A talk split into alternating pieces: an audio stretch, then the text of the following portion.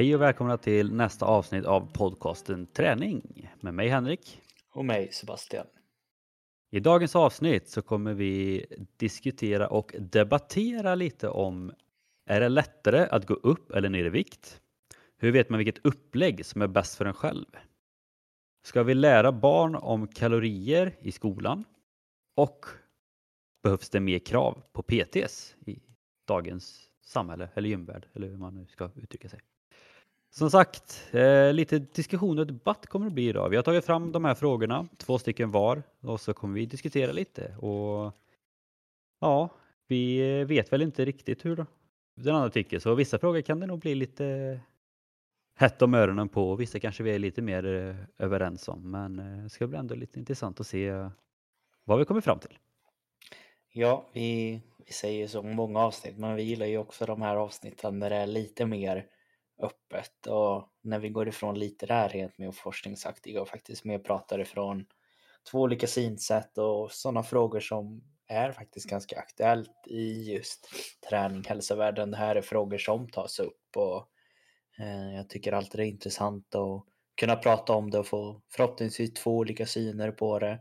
Men även förhoppningsvis kunna dela med sig om en fråga eller tankesätt som kan få liksom dig lyssna, kanske tänka om eller komma med motargument som du vill skriva med oss. Så, eh, ett väldigt öppet samtal kan man väl kalla det. Då.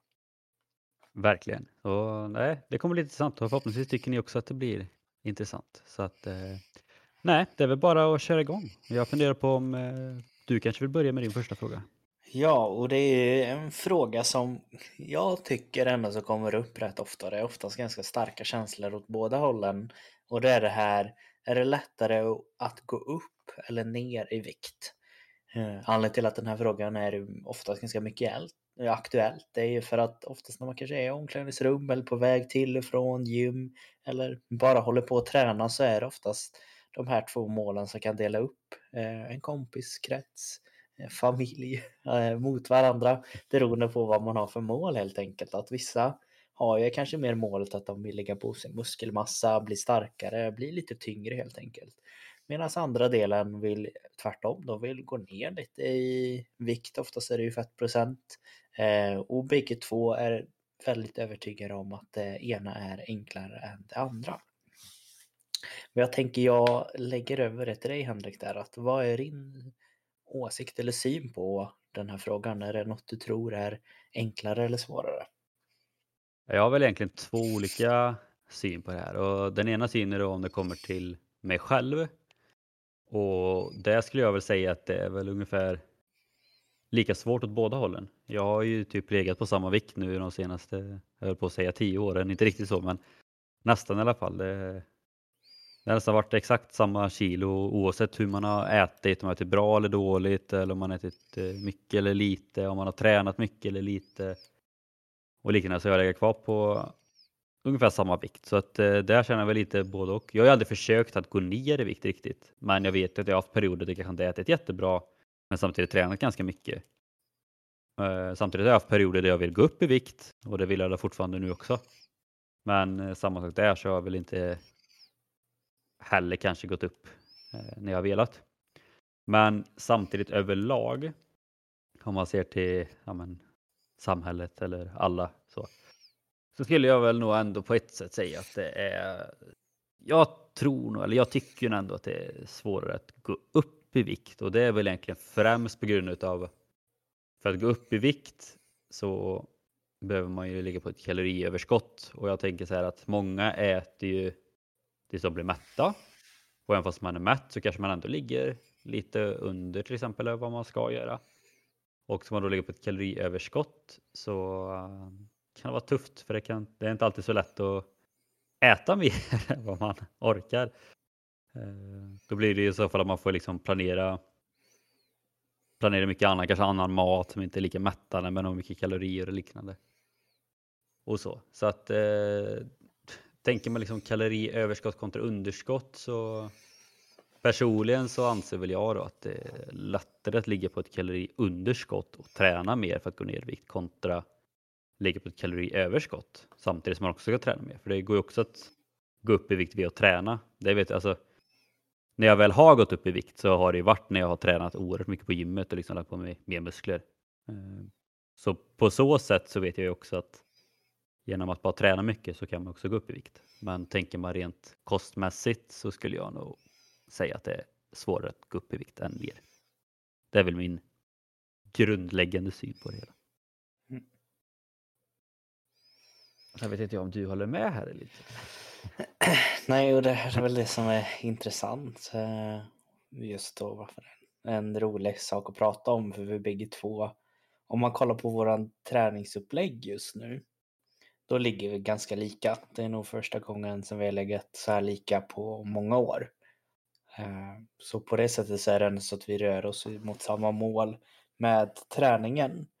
Med, med det andra just med vikten så då, eh, försöker vi ju, eller vi ligger ju helt enkelt olika där. Du vill i alla fall inte gå ner men du har alltid sagt att du vill att gå upp lite till och jag har ju alltid sagt att jag vill att gå ner lite till. Men ändå så tränar vi på samma sätt och det tycker jag är intressant. Men det är också det här med kosten. Ja, jag, jag har också nog lite delade hur jag tänker här. Men tänker man enbart på att man ska gå upp eller ner om man inte riktigt eh, spelar, spelar någon roll vad det är för någonting som du går upp eller ner i. Eh, där är väl min syn tvärtom då, eh, att jag tycker det är mycket enklare att gå upp i vikt. Ehm, och anledningen till att det kommer in ofta som ett argument att jag tycker det är för att en som ska gå upp i vikt ska helt enkelt äta mer. Eh, det är det som behövs. Eh, den, det som kan komma upp och stoppa dem är då helt enkelt eh, ja, att de blir mätta. Det är oftast det de säger att jag kan inte trycka i mig hur mycket som helst. Det jag tycker då oftast med att gå ner i vikt är att man får helt enkelt oftast försöka jobba mer med Eh, en hungerkänsla som man måste mätta hela tiden, eh, vilket är svårare så jag, min syn på det är att du behöver vara mer noggrann med vad du äter när du går ner i vikt än vad du behöver göra egentligen när du ska gå upp i vikt. Om man bara tänker rent siffror på vågen. Att skulle det vara så att någon verkligen vill gå upp i vikt, då, då kan den, då är det bara att den får äta lite fetare mat. Eh, den får äta eh, som mat som har lite mer kalorier i sig och helt enkelt göra den uppoffringen. För många brukar säga att ah, men det kan jag inte göra. Men det gör ju de som går ner i vikt, att de uppoffrar sig, de gör att de, de, är hungriga eller att de måste lära sig att göra speciella måltider som fyller dem mer, vilket gör att de blir mättare. Eh, man behöver ha lite mer koll på vad man stoppar i sig för det, det lilla kan göra att man helt plötsligt inte går ner i den takten man vill. Medans i en viktuppgång så kan det vara bara att du äter exakt som vanligt om du har hållit dig på en en speciell vikt och sen helt plötsligt så steker du i dubbelt så mycket stekolja emot vad du brukar, då ska du i teorin eh, gå upp lite. Eh, har du svårt att få i dig eh, alla saker, då är det oftast ganska enkelt att smyga in de här små grejerna som till exempel oljor, smör och liknande. Eh, och det är väl där min syn går för det, just om vi bara pratar rent, gå upp eller ner. Sen så kanske det är andra syner på det när man pratar om kvalitet, alltså så här, vad som är nyttigast och vad som är enklast när man börjar prata om eh, muskelmassa och liknande.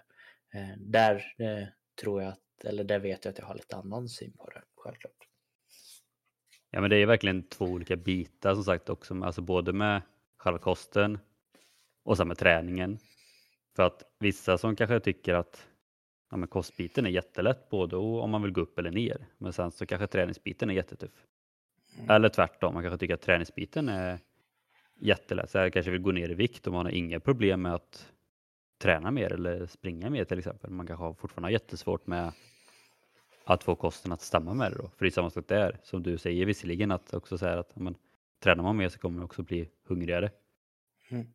Så att det är ju det är verkligen åt båda hållen som sagt och det är ju, jag tror, jag tror väldigt mycket också har med men vart man börjar liksom lite eller vad man har för historia, liksom hur, vilken kropp man har. För att också göra det om man tycker att det är lättare eller svårare att gå upp eller ner i vikt. Liksom Är man en väldigt liten och tunn person och har varit det hela livet så blir det ju automatiskt att man tycker att det är svårt att gå upp i vikt just för att man aldrig varit där innan. Liksom. Medan är man kanske en person som har skiftat ganska mycket i vikt både uppåt och neråt så kanske man tycker att det är lättare åt båda håll. För man har gjort den resan innan och man vet vad som krävs. Och kroppen är också van vid eh, skillnaderna i allt som det innebär. Ja, alltså det enda jag har om man ska så här, för det brukar alltid komma in på, men har du några bevis på hur det är eller så, eller har du någonting som är starkare åt det ena eller inte? Det, där har jag åt bägge hållen ganska tydligt. Och vad ska gå emot kanske med min syn då, att jag tycker det är enklare att gå, eh, gå upp i vikt. Eh, där så, det som kanske pratar emot mig där är ju att skulle man då bara rent prata om eh, kilon, man spelar ingen roll hur mycket någon väger, utan vi har en som är kanske, vi drar det till extrema bara för att få en förståelse. Vi har en som är kraftigt, eh, inte kraftigt, vi säger, vi säger överviktig och vi har en som är underviktig. Eh, en vill gå ner, en vill gå upp. Eh, den som går ner ska gå ner 10 kilo, den som ska gå upp ska gå upp 10 kilo. Pratar man bara rent så utan att ta hänsyn till någonting annat, då, då tycker jag att det är mycket enklare ehm, för personen som ska gå ner i vikt. För du skulle kunna gå ner två kilo på en dag om du bara tog bort saltet och inte drack så mycket. Medan däremot så skulle man kunna säga samma, trycker de i sig massa med saltvatten för att gå upp, då kan de göra det. Men generellt sett så har de svårare att göra det.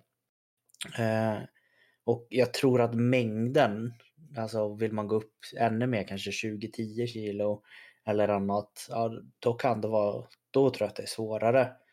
Eh, men det är som sagt, det är verkligen extremerna. Och tar man då i den synen som jag kanske har det så vet man att folk som har varit större har ju mer fettceller i kroppen, vilket betyder att de har ja, men de har enklare att gå upp i vikt. Det är inte riktigt så att de försvinner när man går ner i vikt utan det är bara att de blir mindre. Vilket betyder att kroppen är mer van och den, den har enklare att gå upp i vikt igen. Eh, men det är likadant för de som ska gå ner i vikt. Men skulle man då ha det på en nivå där, där man tycker att det är sjukligt om man ska ta det och det vet jag man ska vara försiktig att prata om men man vill ha den som har jag måste gå ner i vikt Eh, för annars så har jag de här riskerna för sjukdomarna eller jag har de här eh, och jag måste gå upp annars är jag på gränsen för undernärd. Där tror jag också kanske att, igen, att eh, gå ner i vikt, i alla fall om man pratar om just kilon, är enklare. Eh, jag säger inte att det är svårare just att gå upp i vikt, men jag tror inte du kommer kunna gå upp lika mycket och framförallt inte lika snabbt. Och det är väl det som kanske är den största skillnaden, att tiden på hur lång tid det ska ta för en som är kraftigt överviktig att gå ner eller tiden som det tar för en som vill bygga upp, eh, bygga upp kroppen eh, och gå upp i vikt helt enkelt. Men man kan väl säga lite kort och gott, om man måste sammanfatta lite att det kan vara svårt åt båda hållen. Det kan vara lätt åt båda hållen. Mycket hänger så på vem man är och hur man gör det. Ja, men faktiskt. Och sen så om det är någonting man ska ta med sig så tycker jag jag vet att jag brukar alltid vara den här som liksom, eller den här lilla lugna och snälla, men ibland kommer den här lilla liksom, vad är det, fuck your excuses killen fram och den ska komma fram nu. Du, du kan inte riktigt skylla på att ah, det är svårare att gå upp i vikt eller det är svårare att gå ner i vikt. Det är egentligen så, när du är i den situationen, då är det lika svårt att bägge hållen, de här två personerna som ställer sig mot varandra. En behöver bara äta mer och en behöver bara äta mindre. Så enkelt är det. Eh, det är upp till dig hur pass motiverad du faktiskt är att gå ner eller upp i vikt. Vill du verkligen gå ner i vikt, då kommer du gå ner i vikt. Vill du verkligen gå upp i vikt, då kommer du gå upp i vikt. Eh, klarar du inte det själv, då får du ta hjälp av någon. Eh, så, så enkelt är det i slutändan. Kloka ord av en arg Sebastian. En arg Sebastian. inte så arg kanske. Nej, bestämt. Bestämt. Pekar med, he ja. pekar med hela handen Exakt. Sebastian. Exakt. Det känns bra. Mm. Trots att vi är lite oense så är vi ändå ense. Om man kan säga så. Ja, lite. Ja. Bra, så vi går på nästa. Ja, det får du göra. Nästa fråga har jag tagit fram. Och det är väl egentligen hur vet man vilket upplägg som är bäst för en själv? Och anledningen till att jag började tänka lite på det var för att återigen i en sån här Facebookgrupp så var det en som nästan hånskrattade lite för han har tagit hjälp av två olika personliga tränare. Ehm, den ena tyckte att han skulle köra tre stycken helkroppspass i veckan och den andra tyckte att han skulle liksom köra ja men, uppdelat, om det var ben, push, pull eller, eller om det var liksom överkropp, underkropp, bål till exempel. Det kommer jag inte riktigt ihåg. Men i alla fall upp, den ena tyckte uppdelat, den andra tyckte helkroppspass och tre gånger i veckan. Och eh, han lurade ut där i gruppen liksom och nästan hånskrattade. Varför ska man ta hjälp av PTs när de är så långt ifrån varandra och liksom, de verkar inte ha någon koll som de tycker så pass olika. Eh, så han menar ju på liksom att det finns bara ett rätt svar och det borde vara så här och tycker folk olika så är de antagligen antingen inte utbildade eller så har de fel eller liksom liknande. Och han bemötte ganska mycket kritik i det här kommentarsfältet. Då. Och, men jag började tänka liksom just det här med att men, hur vet man vilket upplägg som är bäst för en själv och framförallt om man tar hjälp av till exempel en PT för att tar de fram ett upplägg som de tror är bäst för en själv eller plockar de fram liksom mer på det, de plockar fram ett upplägg som de tror och kommer hjälpa men liksom fokuserar de mer på personen eller tänker de mer att det här är ett upplägg som jag brukar jobba med och vet att det funkar. Men hur vet man att det funkar på just den personen? Mm. Ja, eh, och det, det, här tycker jag är väldigt intressant. Eh, för in, eller det är egentligen det här jag har jobbat med kan man ju säga. att Jag har ju antagligen sagt tvärt vad en annan PT har sagt. Och eh, den kunden har tänkt att men så tänkte inte min PT. Och då har jag antagligen sagt att jo men så här är rätt. 100% självsäker liksom att så här är det. Och det här är väldigt svårt. Eh, jag tycker det svaret är inbäddad i liksom själva frågan. Hur vet man vilket upplägg som är bäst för en själv? Och i slutändan så hänger det på vad man själv tycker och tänker och tror och känner framförallt. Ehm, och där, om man ska då prata från synen från två olika PTs eller coacher som hjälper en. Där tycker jag det hänger väldigt mycket, dels kanske på personlighet eh, eller kanske vad deras nisch är. För vissa kommer säga det här är min nisch, här ska vi köra. Jag tränar inte på det sättet, du får gå på en annan. Vissa kommer vara väldigt öppna och säga men vi gör exakt som du vill. Eh, så här ska du göra, så här ska du göra. Eh, och där får man väl säga vad är bättre eller inte. Det är kanske en annan diskussion men det jag tycker är att man, man måste ge det en chans själv och känna av lite vad känns bra. Och där finns det två olika sätt att, att, att testa på. Antingen att man testar helt själv, att man inte tar hjälp av någon. Man kör bara på eh, det man tror. Och det tror inte jag, det ordet tro med sig, då, då kommer du inte få resultat. Nästa sak som du kan göra är att planera själv. Och där tror jag väl har någonting att då hänger det ändå så lite på att du måste läsa på för att kunna få information som säger två olika saker som de här PTerna. När du har fått två olika syner på en och samma sak, då kan du själv göra en bedömning vad du tror är bäst. Du planerar en sak som du ska göra, du gör det, du utvärderar det. Fick du det resultatet du fick? Nej. Då får du göra en till utvärdering, ska jag testa på andra sättet? Det kanske du gör. Du kör på det sättet, utvärderar, fick du bättre resultat och sen väga för och nackdelarna. Eh, så det skulle jag säga är, är det bästa. Eh, vågar man eller man känner att man inte vill lägga ner tiden själv på det, då får man ju hitta en, en coach eller en PT som är så pass utbildad eh, att han inte blir fast i sitt tänk. För det är många som är det och vissa kan ha den nischen att det här är jag, och så kör jag fine. Eh, de får tycka det. Eh, de får ha sin image att de är tuffa och sen så kanske inte passar individen att vara tuff.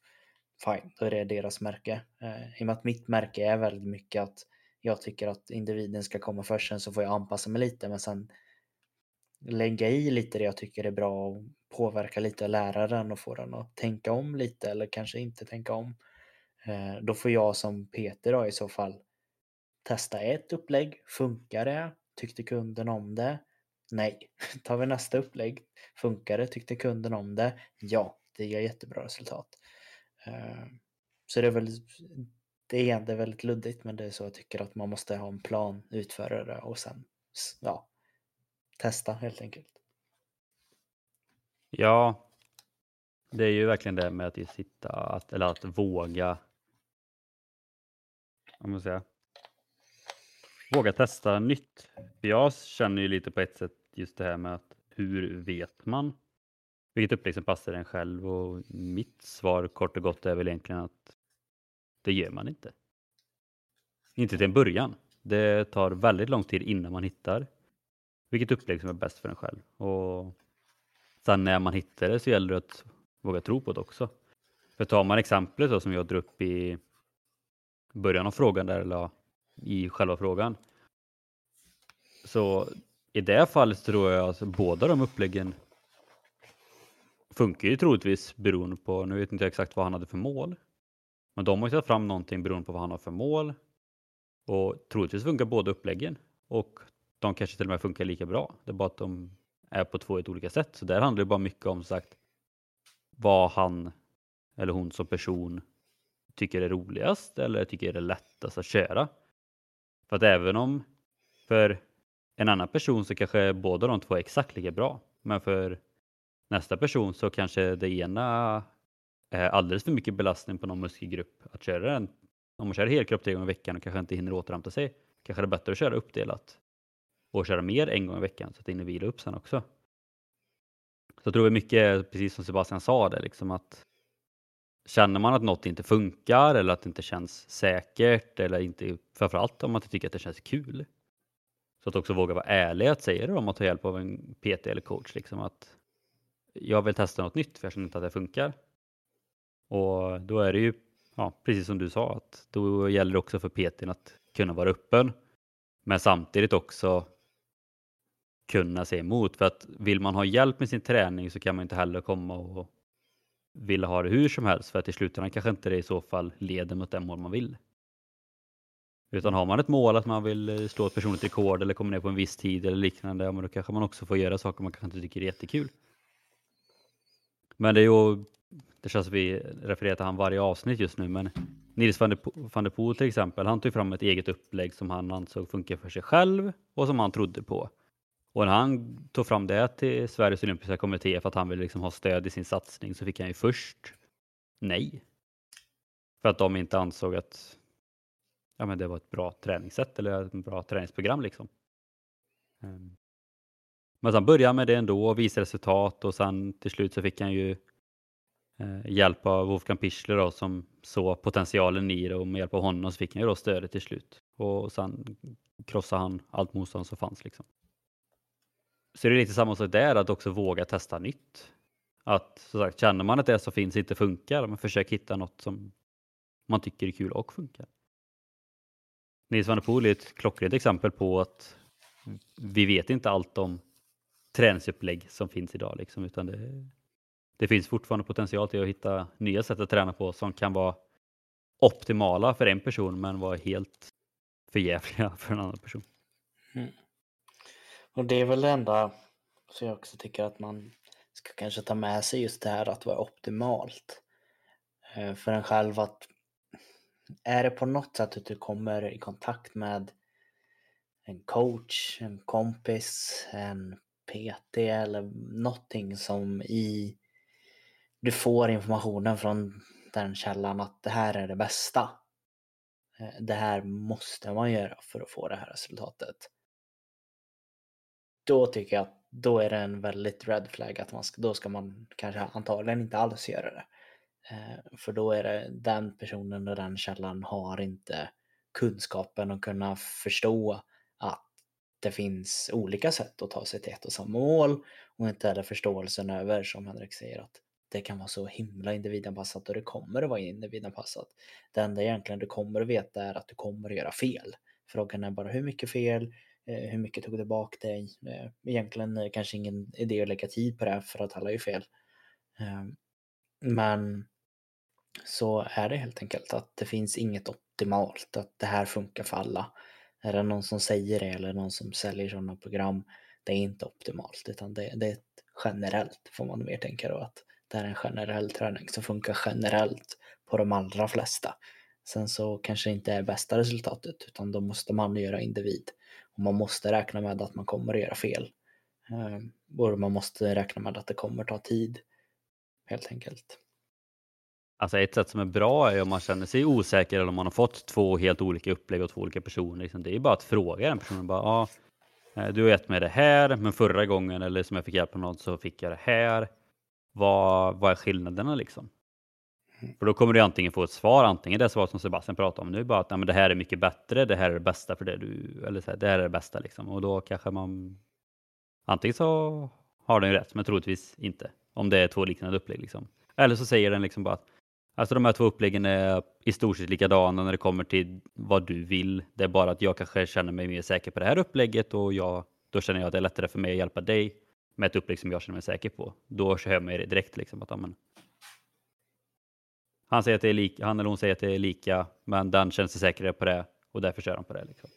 Mm. Så att känns något osäkert eller överlag om du tvekar på någonting, ställ frågor. För ställer du frågor så kommer du få svar. Du kanske inte får rätt svar, men du kommer troligtvis få de svaren som du vill ha för att bestämma om du vill fortsätta jobba med den personen eller inte.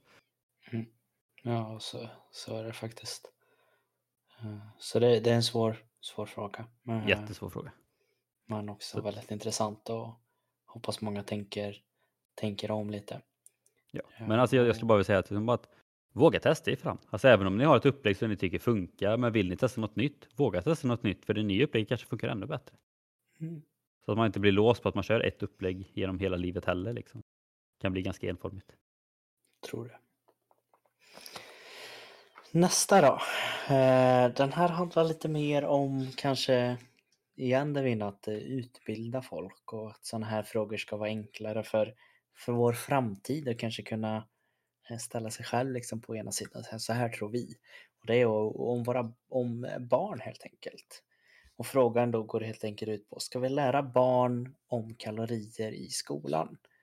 Um, anledningen till att den här frågan kom från mig var för att jag såg något klipp där det var en, en tjej som pratade om att eh, hon tyckte att vi skulle lära eh, barn i skolan hur man räknar kalorier och hur man kan förstå kalorier in och kalorier ut.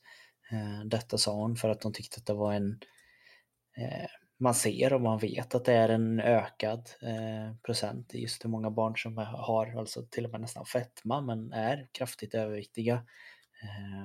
Och det ser man ju bara på standarden över hela e världen att snittvikt eh, eller snittfettprocenten är ju ganska hög vad man kollar egentligen på vad den är. Att när folk säger att ah, men du är inte så överviktig, det, det är fortfarande överviktigt. Eh, så vi är ju på väg åt fel håll och då är frågan, skulle det vara lösningen att lära alla barn i skolan hur man räknar kalorier, hur man kan få förståelse utav det? Alltså det är en jättesvår fråga på flera plan. Eh, på ett sätt känner man ju så bara att jo, men det är klart att det hade varit bra. Det är alltid bra med kunskap liksom. Men Å andra sidan så vet man ju just det här med att ha kunskap om kalorier kan ju också ge rätt stora problem. Jag vet till exempel, alltså när vi började med kalorier på riktigt, jag vet inte, alltså vi pratade så mycket om kalorier på hemkunskapen i högstadiet liksom, utan första gången som vi började mycket med kalorier var ju på gymnasiet där sen eh, när vi skulle börja räkna kalorier och där var ju vår lärare väldigt noga med liksom att bli inte typ beroende av det här. Eller liksom se det här mer som liksom en, ett lärtillfälle mer än något ni fastnar vid. Liksom. Och då var vi liksom ändå 18 år, men ändå så var det väldigt mycket varningar liksom om att det kan typ vara farligt att bli för fast i kalorier just för att risken finns ju att ja, men, det blir ett ja, men, beroende, ett problem med kalorierna. Att man, man får panik om man är för över eller man får panik om man är under till exempel. Och på samma sätt som att det kanske är en del övervikt i dagens samhälle så är det också väldigt mycket med kroppshets och allting och tänker man barn framför allt så vet man ju att det kan det ju vara väldigt mycket kommentarer och ord och allt sånt där. Och det är ju redan väldigt mycket mer psykisk ohälsa och nästan depression och ångest liksom i ung ålder nu. Som det inte var alls lika mycket när vi var små. Så på ett sätt känner man också att det kan vara ett problem åt det hållet istället. Att ja visst, de kanske lär sig att inte äta lika mycket för de lär sig hur kalorier funkar. Men på andra sidan så kan det också bli ett problem. Det kan bli mer mobbning om, för att någon äter för mycket kalorier eller liknande. Så jag skulle väl snarare säga i så fall att det är bättre att lära föräldrarna om kalorier än barnen om kalorier. För att det är ändå i slutändan föräldrarna som ger barnen maten. Det är de som lagar hemma och allt sådär. Så jag tror att det är bättre i så fall att alltså, lära föräldrarna hur det funkar med kalorier än vad det är att lära barnen hur kalorier funkar. Mm.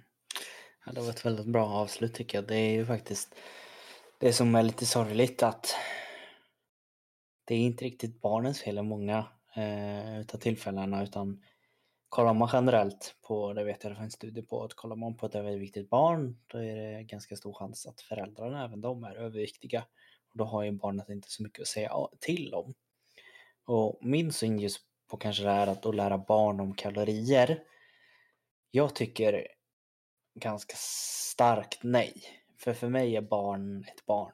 Eh, det är alltså under 18 och antagligen även upp till 18. Eh, jag själv är på gränsen till ett barn fortfarande liksom. Eh, men och anledningen till att jag tycker just att barn framförallt inte ska lära sig om kalorier det är för att de har inte förståelsen eller de har inte tankesättet, gärna inte tillräckligt mycket utveckla den för att förstå konsekvenser riktigt.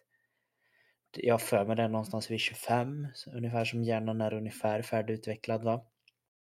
Ja, jo, eh, och det är någonstans där man brukar säga att då börjar man få en lite tum om konsekvenstänk. Och om, om det är idag, redan nu, någonstans 18 upp till 25, 30 årsåldern vuxna som har problem med att förstå konsekvensen av att jag, har, jag kan räkna kalorier. Så jag äter det här och sen så oj, nu har jag ätit allting. Ja, nu måste jag svälta mig. Eller så här, jag får inte äta en kalori över eller det blir helt enkelt en sjukdom. Om det redan är svårt för dem, då tycker jag att det kommer kunna bli riktigt eh, svårt för barn. Det hör man ju bara i att de kommer inte alls kunna förstå. För, för dem kommer de egentligen bara se som sagt att det är som med matte, de förstår varför ett tal blir, eller summan blir ett, en grej. De bara, ja men 5 plus 5 blir 10. Men varför blir det? Den djupare har de inte förståelse över. De ser bara att jag har bara ätit 600 kalorier. Men det är ju jättebra. Men vad var det för 600 kalorier? Det kanske var liksom godis 600. Och så, så tänker de, oj nu får inte jag äta alls mer. Ja, det gör jag inte det. Ehm. Då tycker jag också som sagt att antingen den att man utbildar runt omkring som är mycket inne nu vet jag att man har sockerfria, sockerfritt på skolan och sånt. Eh, att man inte ska, lärare ska inte få bjuda på glass och kakor och sånt utan det ska vara något nyttigare alternativ. Och, och från en som har kommit och jobbat just på en skola eh, som faktiskt var väldigt tydliga med sockerfritt. Problemet kanske inte riktigt var barnen när de sa att det var skolavslutning. Att oh, men, ja, varför får inte vi en tårta? Utan det kanske mer som sagt var de vuxna. Bara, Nej, men gud vad tråkigt. Ska vi inte få eh, bjuda på tårta? Um, så det, det är ju ändå så på något sätt de, de som har pengarna till att köpa mat som måste också få lite förståelse. Men sen så tror jag att det är som sagt att jag tycker att barn ska få lära sig på ett sätt kanske lite mer om kalorier men kanske inte just använda ordet kalorier utan bara så som man faktiskt lär sig i skolan. Vad är nyttigt och vad är bra? Vad är mat som gör dig mätt? Vad är mat som är onödig? Det tycker jag däremot att man verkligen ska få lära sig mycket om. Att om du dricker en Coca-Cola, du kommer inte få någonting av den. Och då kommer du få det enda du får att det är gott. Och så kan man börja få folk, barn att tänka om att tycker inte en Cola Zero är lika god? Jo, den är ungefär lika god.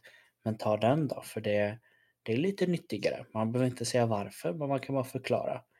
Eller säga att det här är bra, det gör dig mycket mätt. Det här är lite mindre bra för att det gör inte så mycket mätt och bara mer vara, vara öppna med det. Eh, för jag vet att många tycker det är farligt att prata om. Men det är också därför som när de inte har någon kunskap, det är därför som sagt också som övervikt, eller, ja, men vikten går upp för dem och för att föräldrarna säger okej, okay, de har ingen förståelse själv heller. Och då är det svårt för dem att ja, hitta balansen liksom. Ja, men det går ju att få, få upp samma problem eller prata om samma problem och lära ut de problemen utan att använda ja, men, kalorier eller liksom Mm. det problemet i sig. Och det är ofta det som själva pedagogiken kommer fram. Där bra lärare är bra lärare av en anledning. Liksom att de vet hur man ska hur, ska, hur man ska prata om jobbiga saker, om problem och allt sånt där fast utan att göra det på det värsta sättet. Eller hur man, jag vet inte hur man ska förklara det men liksom att det går ju att jobba med exakt överviktsproblemet som du också pratar om. Så här, att istället kanske lyfta mer det positiva än att prata om problemen och liknande. Och att liksom jobba runt det på ett helt annat sätt. Till skillnad mot att gå rakt in på problemet. Mm. För jag tror ju också på ett sätt att just förståelse för kalorier, även om man skulle vilja göra det och lära ut det till barn. Så nu vet inte jag exakt vilken ålder det är vi pratar om, men alltså. Jag tror ändå man behöver vara rätt gammal för att ens börja kunna förstå liksom vad, vad det egentligen är. Ja, alltså jag tror också det. Eh, dels för att det är svårt. Eh, man måste ha lärt sig grunderna överlag. Liksom vad olika saker är. Så det, det behövs komma upp ganska högt i åldrarna för att alltså kunna ha liksom förståelsen av vad protein är. För att man ska kunna räkna eller... Det, det är ju svårt på det sättet. Det är det verkligen. Ja, så då är ju snarare frågan, då ska man ju nästan i så fall kanske börja med det som tidigast på, på högstadiet när man börjar ha lite mer hem och konsumentkunskap. Men samma sak där, kanske inte gå in på djupet utan bara mer, där kanske kan börja förklara lite hur det funkar. Utan att behöva liksom gå in allt för djupt på det. Ja. Sen så skulle man då försöka se det från andra perspektivet. Eh, vad skulle kunna vara fördelen med det? Det är ju som sagt att de kan få en förståelse över de här gömda kalorierna. Eller gömda energin. Att, som, som jag sa där, att ska jag verkligen dricka den här kolan? Jag har redan druckit tio kolor eh, den här helgen. För det, det kan de göra om de får fria händer. Då bara trycker de i sig för de blir inte mätta utav kola, det är inget farligt. Lite samma som med de här andra grejerna, liksom som frukostflingor och andra grejer. att de förstår att jag skulle kunna göra det här valet och jag skulle egentligen kunna få äta mer utav det jag tycker om. Det skulle kunna vara varianter på bakverk, det skulle kunna vara varianter på godis, varianter på mat. Att de kanske fortfarande tycker det är gott, men de hade också kunnat förstå på ett annat sätt om de vet att det här har så här mycket kalorier, det här har så här. Jag blir ungefär lika mätt eh, utav bägge två. Men då skulle jag kunna ta det som ändå så har lite mindre kalorier för att jag kanske är lite överviktig. Eh, eller för att jag kanske ska må lite bättre eller så. så det, jag förstår ju tanken bakom det, men jag tror fortfarande det är farligt. Ja, men det är klart, det finns ju, det finns ju positiva aspekter av det. Eh, Men jag tror väl att både du och jag ändå känner liksom att riskerna är för stora för läsningen. Eller man säga. Ja, det, det är för stor risk med det som kanske kan bli bra. För liksom, det är ju det, det är, är inte säkert att det blir bra. Det är inte säkert att det blir dåligt heller. Men det känns dumt att lägga in de riskerna som finns, man ska säga. Mm, På, verkligen. framförallt, så, framförallt för barn som ändå är så pass unga. Liksom, då det, Ja, alltså i teorin så egentligen tycker jag att kalorier har tagits fram och blivit modernt för en extrem sak. Och det är de som tävlar på något sätt där de måste nå en speciell vikt. Där behövs det, den, det fokuset egentligen. Så ett exempel då har kommit ifrån till exempel eh, fitnessindustrin som är till exempel bodybuilding, bikini fitness där de måste gå ner en viss, och de måste ha koll på liksom exakt exakt. För om de inte har koll exakt exakt kommer de inte kunna vinna. Och det kan även bli jättefarligt för dem att de får i sig för lite utav olika saker och kan liksom det kan sluta riktigt illa, speciellt i slutet när de nästan inte äter någonting. Ett annat exempel är liksom på eh, olika former av eh, andra sporter som till exempel kampsporter, olika sporter där det behövs att man är lite enklare som till exempel olika former av konditionsidrotter och annat.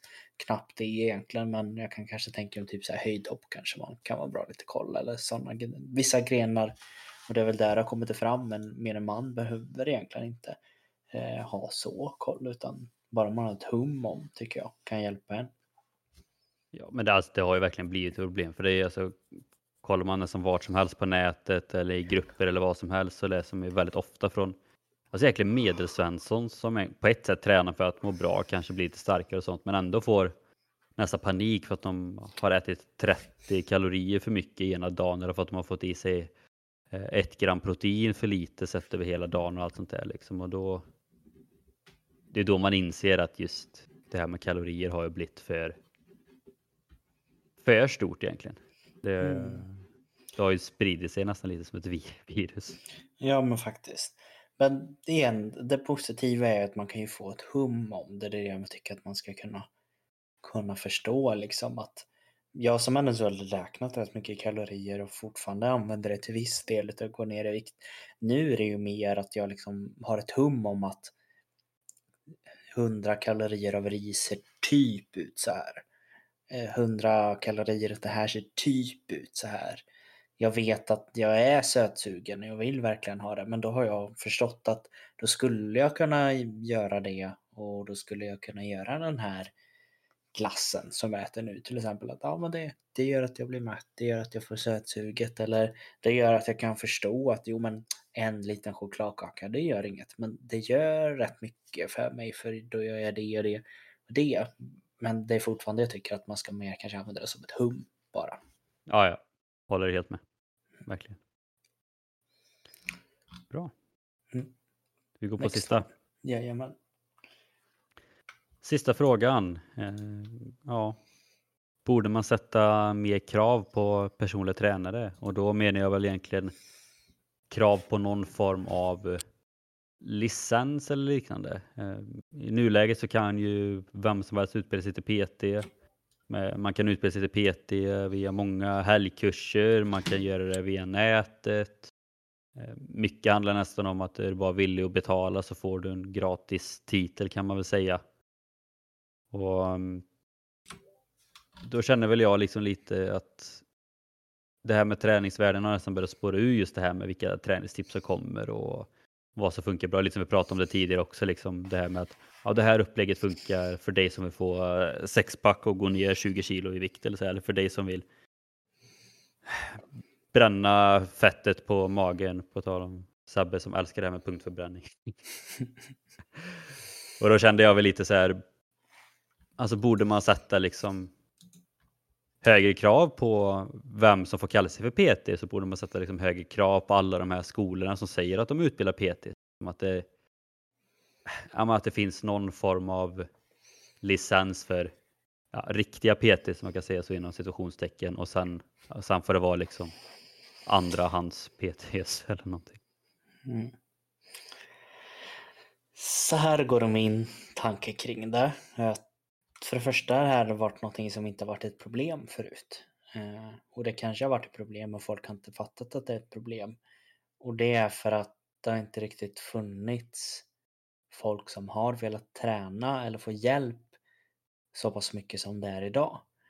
Eh, tidigare var det liksom att man knappt tränade på gym eller tränade alls utan man bara rörde på sig och då mådde folk jättebra och såg bra ut också. Liksom. Det var inga problem.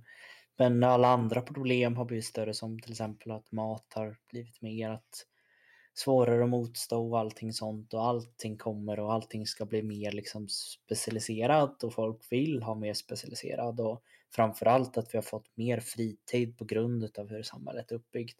Så man kan lägga ner mer tid och pengar på annat man tycker om. Det är då som det här med att ta hjälp av PTs eller coacher har blivit större. Och det som är problemet tycker jag med detta, det är ju att vem som helst kan kalla sig PT. Eh, jag är personlig tränare, jag hjälper dig med personlig träning. Det är så som jag ser det idag, att jag är inte förvånad att någon kan kalla sig PT. Eh, vilket på ett sätt är lite hemskt. Eh, och det är ju som sagt för att det inte riktigt finns någon, det är ingen som riktigt har gått in och styrt upp när, hur man kan kalla sig. Det är som du säger att indirekt så kan du alltså gå fredag, lördag, söndag och sen få ett diplom och sen så säger du att du är personlig tränare. du kan omöjligt, om vi säger att du är blank och du kan ingenting om kost eller träning, du kan omöjligt ha fått någon kunskap nästan på de här dagarna. Det är liksom, det går inte. Och tror du att du har fått kunskap, tillräckligt mycket kunskap, då är det också liksom, då, då förstår du inte hur lite du vet. Det enda jag vet är att jag, jag tycker att jag kan nästan ingenting om träning. Jag har lite hum, det har jag och jag har ändå så jobbat det några år. Men jag vet också hur extremt mycket det finns som inte jag har koll på. Och det här betyder inte att jag ska prisa mig själv och säga att jag är bäst, utan jag vet bara att det är ett jättesvårt ämne. Jag vet mina, vad jag är bra eller duktig på eh, och that's it. Eh, det jag tror är svårt är att sätta en stopp på vilka som kan kalla sig PTs.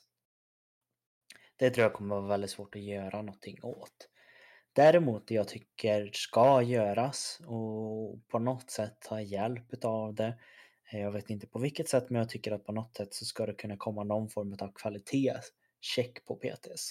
Det här finns egentligen på det mesta. Det kan vara så enkelt som ett eh, ett register eller vad som helst, men på något sätt att det ska finnas någon som har kunskapen som ska kunna sätta recensioner eller på något sätt på alla andra som inte har kommit upp i de åren eller de utbildningarna eller de timmar eller de högskolepoängen. Eh, ett exempel som jag tänker på, och det kanske inte är det bästa, men jag tänker bara till exempel på stjärnor på restauranger. Eh, och det kanske är då där man vet är att eh, har den inte ens fått någon sån här Michelinstjärna eller vad heter Ja, då är det väl, det kan vara, det kan vara vad som helst liksom. Man får helt enkelt bara se om man litar på personerna runt omkring sig. Och sen får man eh, göra en egen uppfattning. Men skulle man då gå till någon som man vet har fått en sån här stjärna, då vet man att det är bra kvalitet för det är massor med proffs som har satt där. Det är massor med proffs som har kommit fram till det. Att så här helt enkelt ser det ut. Det tycker jag ska bli större. Eh, jag har pratat om det förut och jag kommer ta upp det igen. Jag tycker verkligen att den här ptlicens.se ska vara någonting som alla ska veta om. Jag tycker varenda gym ska kunna eh, säga det att vi har PTs eller personliga tränare på vårt gym som är på ptlicens.se. Nu låter det som att jag är sponsrad till dem, men det är jag inte. Utan det är bara men vill de sponsras? Ja, jag tror inte det går. Men det är liksom det är ett friskvårdsföretagande. Man kan säga att de är, det är ett register. Man går in och söker på dem.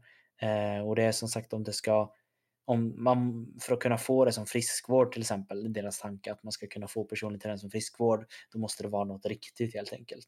Och då har man då gått in och tagit de största skolorna i Sverige med personlig träning. Man har gått in och också tagit vissa former av utbildningar inom högskolan. Um, och då går det även med säkerhetskoll med ett visst antal timmar eller år jobbade som, som personlig träning. Det betyder alltså att du får en viss form av kvalitet på de personerna som är på ptlicens.se. Det här betyder fortfarande att det kan finnas PT som inte är där och då är det upp till dig som person att ta och säga att vill jag ha den här personen, ja, jag kan tänka mig det, men han finns inte där. Ja, då får det vara en liten chansning. Det kan fortfarande vara en superperson som kanske har gått en annan skola utomlands som inte finns med här och är jätte, jätteduktig. Ehm, men hade den verkligen velat så kan den också få skriva ett prov som bara visar att han kan lite utav det. Eh, så jag tycker att något sånt ska bli liksom normen för personlig träning, coachning. Jag tycker det är kul, man märker verkligen hur engagerad du var i den här frågan. Det var inte jag riktigt beredd på. Så det... Nej, men det, det, sen så är det igen, jag vet att jag är väldigt, man kallar en det, bias. Att, eh, jag är väldigt för det för att det, jag är där. Eh, jag har tryckts in i den här världen att det är så det ska vara. Jag vet att jag är inmatad med det jag hade turen att gå den skolan som tillhörde det här. Så det är väldigt mycket min fördel, så det, det, det är klart att jag för det, men det behöver inte vara just det här, utan hade det kommit något, vi, vi kan leka med tanken att, ja, jag vet inte, riksdagen kommer överens om att det här ska behövas för att kalla sig PT. Och så säger de och så är det, är det inte min utbildning, ja då får jag köpa det. Då får jag helt enkelt bara, vad behöver jag göra för att komma in hit? Och är jag tillräckligt seriös, då hade jag ju tagit in mig där. Eh, så jag tycker det ska finnas någon säkerhetskoll i alla fall. Ja, men alltså, det finns ju ofta på typ eller alltså, på många andra jobb så är det ju att antingen så har du en titel eller så har du inte en titel och sen många andra yrken, framförallt hantverksyrken, där måste du gå som lärling ett antal timmar innan du får kalla dig utbildad till exempel. Och jag håller med väldigt mycket här för det, det är ändå lite intressant just det här med vart man utbildar sig och liknande för att många som går en sån här helgkurs betalar, jag vet inte vad, allt, allt från 25-30 000 uppåt. Får ett diplom där det står att de är utbildade personlig tränare liksom. Eh, via utbildningen som jag har läst så får vi till god och kalla oss personlig tränare efter två år. Men vi får inget diplom eller sånt där det står att vi liksom utbildar personlig tränare. Vilket innebär att vissa kan ju liksom anse bara att om han är utbildad personlig tränare för han har diplom så står personlig tränare. Henrik, kan inte, Henrik är ingen PT för han, han, det står ingenstans att han är personlig tränare. Skillnaden är bara att någon har gått en helgkurs någonstans och jag har gått universitetsutbildning två år, nu mer fyra år. Men jag har fortfarande inget liksom, papper som det står någonting på. Eh, och jag har ju inte gått den eh, via den hemsidan som Sebbe pratade ändå, även eh, fast vi har pratat en del om det. Men det blir verkligen mycket det, hur mycket liksom ett, ett papper kan göra. Och ska man gå över till en annan bransch, massage då. Där har jag ju gått en sån helgkurs. Och att jag hittade den helgkursen var ju för att vi läste ju massage ett år på gymnasiet och jag kände att jag ville utveckla mig och lära mig mer och allt sånt där.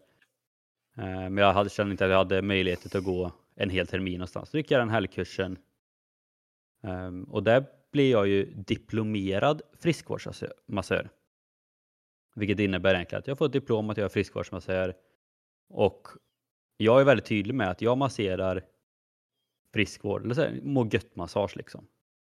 Jag går inte in på djupet så mycket om folk är skadade eller behöver hjälp så sätt, utan det skickar jag gärna folk till sådana som kan det.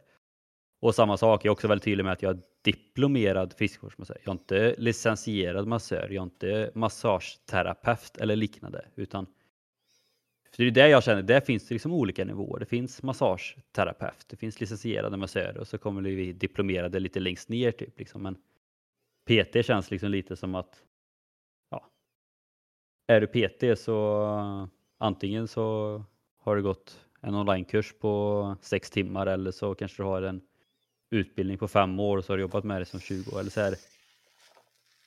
Antingen att det finns någon form av, liksom, som sagt, som Sebastian pratar om, stjärnor eller alternativt att det finns olika ja, typ rankingsystem eller någonting. Ja, det, jag tycker att det är väl på något sätt att jag kan tänka mig, nu, nu säger vi mycket om och hur men, men det jag tror också finns en, en grej varför många inte kan kalla sig heller licensierad personlig tränare. Så det finns ju antagligen någon form av liten nivåcheck på det. Mm. Men det är inte riktigt det som är normen heller att säga att man är licensierad personlig tränare. Eh, utan man säger bara jag är PT-utbildad. Eh, jag vet ju till exempel att jag har ju ett det låter så töntigt men det är ändå så på något sätt att de har tagit sig tiden att göra det. Att jag har ju liksom ett, ett det är nog ändå så ett metallkort. Ett visitkort där det står licensierad personlig tränare ifrån den här utbildningen, jag tror det till och med står år kanske. Att det är ändå så lite så här att de ändå så visar sig tagit tiden, att de vill ändå så att det finns någonting bakom det. Eh, så det kan säkert finnas någonting med just att kalla sig recenserad men det är inte riktigt normen och inte riktigt det som syns tänker jag. Men det är lite samma sak, alltså vår yrkesexamen från gymnasiet står det också personlig tränare på. Mm. Men jag skulle väl inte riktigt vilja säga att vi kan vara personlig tränare med den utbildningen. Nej, jag tycker inte heller det. Eh, det var ju en anledning till varför jag läste vidare. Jag fick ju jobba som personlig tränare innan, men jag tyckte inte att jag var en riktig personlig tränare innan jag hade liksom ens gått något. Och då får man säga att det här gick jag en liten form av lite kortare ändå eh, emot vad jag hade kanske gjort om man hade gått hela utbildningen. Men jag tycker det ska finnas någonting. Det behöver kanske inte just vara med utbildningen, det är kanske inte det jag vill komma fram till, men det ska nästan finnas någon form av kvalitetskontroll på det. Det tycker jag verkligen och kan man inte ha någon form av kvalitetskontroll då får man förstå liksom. Men jag tror att det varit väldigt intressant med typ, typ som ett sånt register som finns nu, fast det finns liksom olika nivåer på det. För då blir det också ganska tydligt liksom att här, men sen, när man känner att man har det kunskapen för nästa nivå så får man göra något form av prov eller liknande så får man se om man kan ranka upp eller liknande. För då blir det också så här att även de som går sådana ja, men snabba eller enkla utbildningar, då kanske de får börja längst ner och sen får de bara börja uppåt. För det finns ju fortfarande många som läser sådana utbildningar som har mycket kunskap och verkligen vill lära sig att jobba med det. Men kanske som i mitt fall, man har inte riktigt tiden för att läsa en hel utbildning eller, man tycker, eller det är i fel stad eller någonting som man går en sån helgkurs för att det, det är smidigt liksom. Men att, det fort, men att det då i så fall finns en möjlighet liksom att jobba sig uppåt och det blir också rätt bra för som du pratar om de som då behöver hjälp. För då blir det ganska simpelt också så här, ja, men vilken typ av hjälp vill jag ha? Och då kanske det också går så här, men jag vill ha hjälp med det här, då kan man kolla vad folk är nischade inom. Eller många, som sagt, så många stjärnor de har som du pratade om. Och det blir också ganska bra för personliga tränarna, för det blir ganska tydligt så här, att ju högre nivå man är på, ja, men då kanske man också kan ta bättre betalt. Mm. För att man har mer stjärnor. Det är ju ja, som du, Michelinstjärnorna på restauranger. Ja, men ju fler Michelinstjärnor, desto bättre mat är det och troligtvis desto dyrare är det. Liksom. Mm. Men som sagt, jag känner ändå att det borde finnas någonting som gör det tydligare både för kunderna men även för personliga tränare och framförallt för gym och liksom arbetsmarknaden. Men även för oss andra som jobbar med träning. För att veta vad, ja, vilken nivå folk har. Typ. Ja, alltså det jag tänker igen är liksom så att det som är bra med det är lite så här att man kan kalla sig vad som helst och jobba med träning. Det är att man når ut till mycket mer folk. Vilket är det positiva liksom, att mer folk kan få hjälp, mer folk kan börja träna, mer folk kan bli hälsosamma. Och det är mycket positivt utav att, inte, att det är det här öppna. Och det, det är liksom också så här att bara för att du har det här så behöver inte du vara bättre än det där och bara för att du har den här utbildningen så behöver inte du vara bättre. Det, det är kanske inte riktigt det jag tycker utan det kan vara en om man ska kalla en dålig utbildning som är jätte, jättebra. Och vad är, liksom, vad är en bra coach? Vad är en bra PT? Det, det går att liksom argumentera är att man ska kunna alla muskler på latin i kroppen. Eller att man ska kunna ta personer bra. Det är väl därför som det är svårt på något sätt också, tänker jag, sätta en kvalitet på detta. Men det jag tycker är det absolut viktiga varför jag kanske är så just engagerad i denna frågan. Det är ju för att och speciellt nu ännu mer med TikTok, eh, en ny social app för någon som inte har koll. Det är att vem som helst kan ju säga att gör så här, jag kan det. Det gäller väl egentligen att bara med förstå, liksom vara källkritisk, vilket jag igen när man går in på en app där det är mycket yngre folk, de har inte riktigt fått den förståelsen utan det de ser är att det är en ung kille, han har, eller ung tjej. Eh, de ser ut så här, jag vill också ha den kroppen. De säger gör så här. Och då gör du så. Men i själva farkets anledning till att den här killen och tjejen ser ut så är för att de tar olagliga eh, droger eller till eller liksom dopning helt enkelt. Det är därför de ser ut så. Det har ingenting man gör och hur de säger att man ska äta. Och när den här personen är på den dieten som den här personen har tillkommit då blir han får han eller hon näringsbrist, det kommer de här effekterna, det gör att man mår så eller si. Och det kan bli liksom, liksom farligt. Och det är väl därför som jag tror att både du och jag är liksom, inte arga, men just lite så här att det, det måste kunna hända något någonting. Eller kanske samma där, det kanske hänger mer på att utbilda barnen där och eller de unga eller allmänheten. Eller vad som helst. Att det måste komma ut information om att vara källkritisk. Eh, för den här personen på TikTok kan både vara dålig, den kan också vara bra. Men det enda man vet med en person som kan ha en licens är att den kan fortfarande vara dum i huvudet. Men den har i alla fall fått någon form av utbildning som borde ge det lite större chans att den kan lite mer i alla fall. Men jag känner mest med allt det här liksom att på ett sätt känns det som att träning inte tas så seriöst typ. För jag menar, jämför man, liksom, jag tror inte att det är någon som, ha, som hade liksom eh, hyrt in en rörmokare som har gått en helgkurs i Stockholm. Eller en snickare som har gått en helgkurs i Göteborg eller någonting liksom. Bara för att eh, fixa huset hemma liksom. Då kommer man hamna på de här fuskbyggena liksom. Men ja, alltså det, och det, det, kommer... det görs ju fortfarande. Folk vet att ja, de här är de här är kanske inte riktigt legit, men de har mindre pris. Och jag vet om risken. Det kan vara bra fuskbyggare, kan vara dåliga, men man får ta den risken.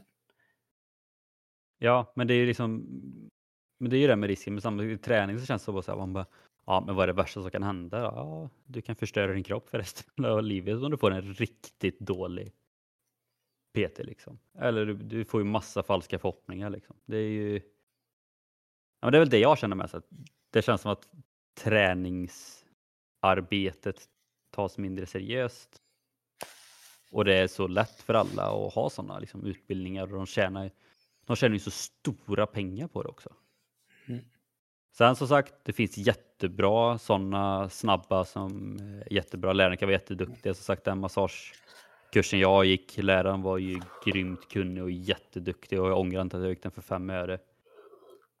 Men jag tycker ju ändå som sagt att det ska finnas någon form liksom av att ja, men, nivåer eller något liknande ändå. Liksom. För att som sagt, man lär sig inte lika mycket på två, tre dagar som man gör på ens två, tre månader och inte ens då två, tre år. Liksom. Så att...